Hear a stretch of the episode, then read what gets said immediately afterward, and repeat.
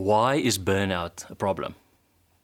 One of the reasons why burnout is a problem for me is that it breaks down relationships. And that's why one of the important things to do when you have burnout is to try and reconnect to the people that's important to you. I remember when I had burnout, um, it was so difficult with the people around me. Um, so you wanted to connect, but there was no capacity.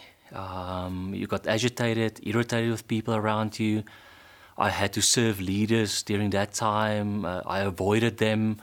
I didn't answer calls. Um, and in the end, the, the effect of, of my behavior resulted in, in many damaged relationships, even with my wife, with my colleagues.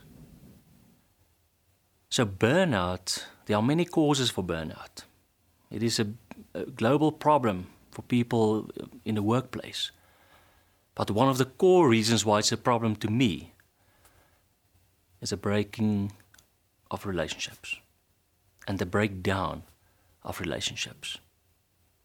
So, how does it work? People talk about the five D's of burnout. So, the first one, demoralization, is, is that belief that I'm not effective as a leader anymore. Actually, I don't feel like a leader anymore. And when I talk about leadership, I see it as you as a, as a housewife with your kids. You have leadership there, but you don't feel effective anymore. Or maybe you're an educator, you stand in, in front of a class and you're teaching them, but you don't feel effective anymore. But actually, you know cognitively, I can do it, but you don't feel it. You're demoralized. Then the second D, depersonalization. And that is where you get to a point where you treat yourself and other people in an impersonal way. So the kids sitting in front of you in class, they become faceless. The people that you are leading, they become nameless. They become objects. And actually, you just want to shift them around so you don't have to connect with them, and you don't want, you don't need to engage with them. A depersonalization, and even with yourself. I'm not Johan anymore. I'm just a thing almost. And this respect for myself also dropping. The third, the detachment. That's where you, st- you start standing back from responsibilities.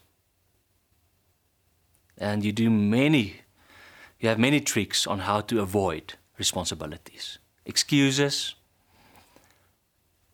learned helplessness, telling people you, you forgot about it, um, or just plain ignore responsibilities.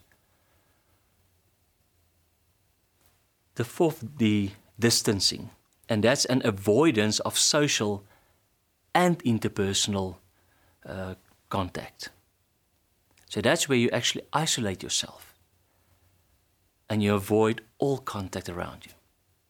And many people, when they have burnout, they go to their inside. They, you don't know what's going on. And then the last one is defeatism.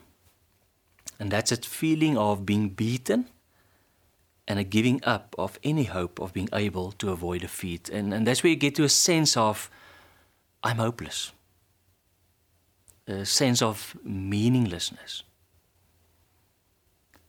And you're busy with yourself the whole time, and you, you're not even looking at other people anymore. And some people even go into a victim mindset. So you can see the progression from you start with demoralization, and maybe you're there. You just feel like I'm not effective anymore. I'm working very hard, but I'm not effective anymore. Maybe you already started depersonalizing people. You just want to use people. Sometimes you manipulate them just to get what you want, but you don't want to connect with them. And then maybe you already had detachment or distancing or defeatism. So there's a progression. It's not one day you wake up and you have burnout. There's a progression. And, and I think an important question is to understand but how do I disconnect from other people? Is there a process? So there's a process that I just mentioned was all about the progression in burnout. But how do I disconnect from myself and from other people? I developed a disconnecting cycle. And it all starts with all people, and I would like to say successful, unsuccessful, have two anthropological needs. So, on the one hand, you have this need for self. Where you say, listen, I want self worth, identity, I want to achieve something. And then on the other hand, there is a need for others, where you want to belong, uh, you want to be loved, you want to be accepted. And, and think about yourself in, in, in the work environment. You want to add value, but you also want to be valuable. So those two needs are very important. And we all start with those needs at a young age. So we can't leave it at home or at work, it's, it's with us. And then these two needs, you wanted to satisfy those needs, but then you're exposed to education, um, influences from outside, and you get, in, in a sense, you get conditioned or domesticated, where you, uh, they talk about the cultural molding. So these two needs, but as soon as I get into the workplace environment, uh, there's some expectations here. This is how you should achieve. This is how what you should do in order to belong. So there's cultural molding and conditioning that starts happening. And then the outcome is after a while you have a conforming mindset. So in your mind you realize, listen, but if I want to fit in here, I need to conform. I need to achieve it in the way they want to achieve, me to achieve. And then I need to do what they want me to do in order to, to fit in. And that's sometimes one the reason why I say yes to work. I, I don't uh, I can't handle any more work, but I say yes because if I say no, they will say, "But okay, you, you don't want to work, so you, you you're not belonging here because here we work. We're not." So it's playing out in a workplace, and then you fear of rejection. You want to fit in. You'll do anything to fit in. Um, and then what happens is, after a while, especially in, in a work environment, is that you suppress your own identity. So you suppress the things that's important to you.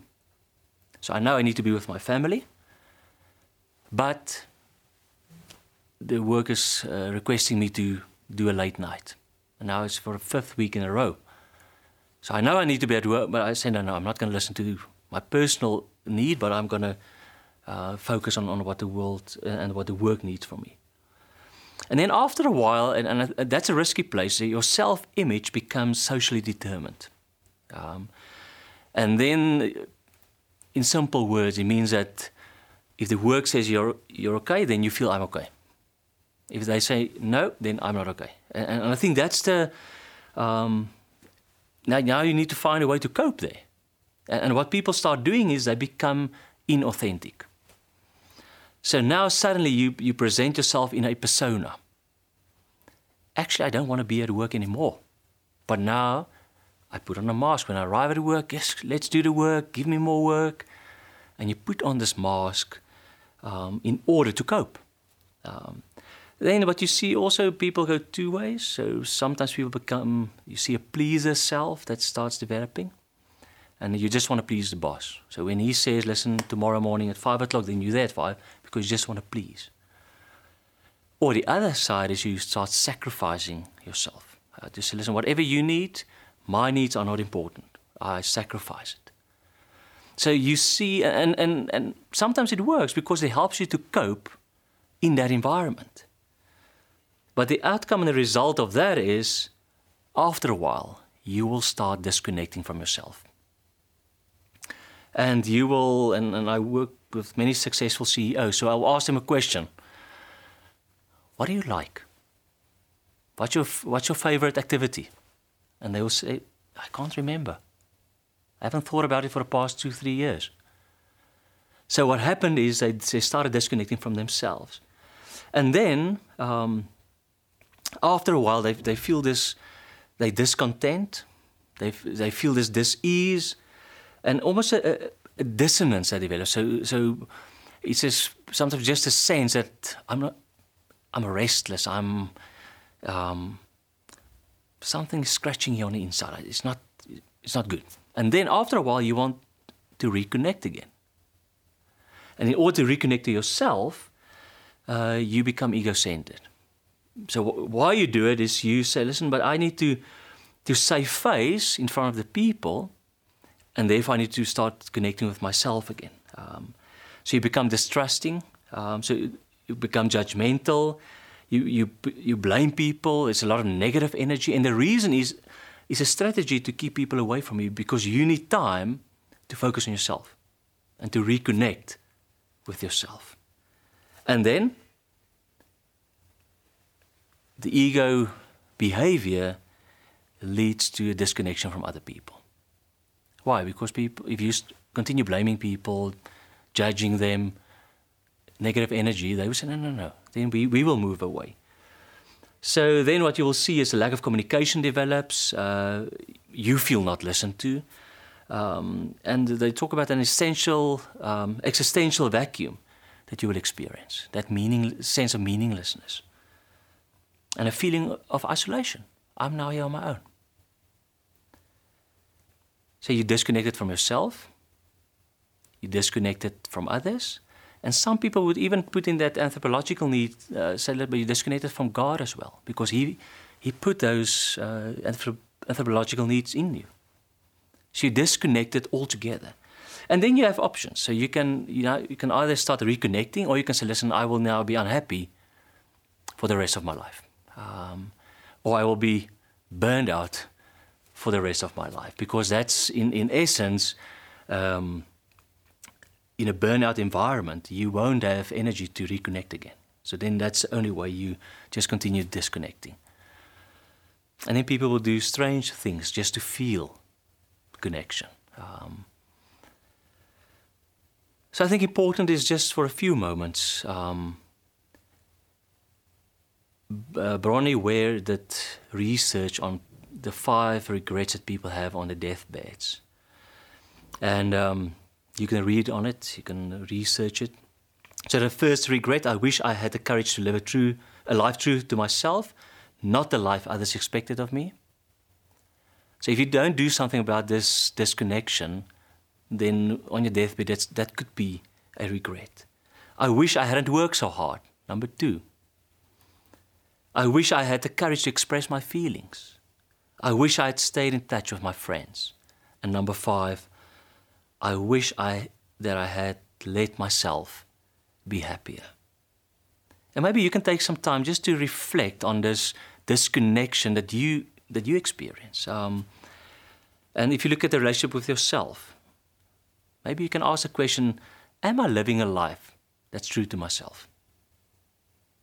You, you, oh, you hear it's a connection with the, one of those regrets am I wishing currently that I, that I can that I can just find a way to let myself be happier? Or are you the whole time criticizing yourself? Not doing enough, not working hard enough? Relationship with others. Are you staying in touch with your friends? Or are you already wishing this? I, I'd stay in touch with my friends. I need to make more time for them.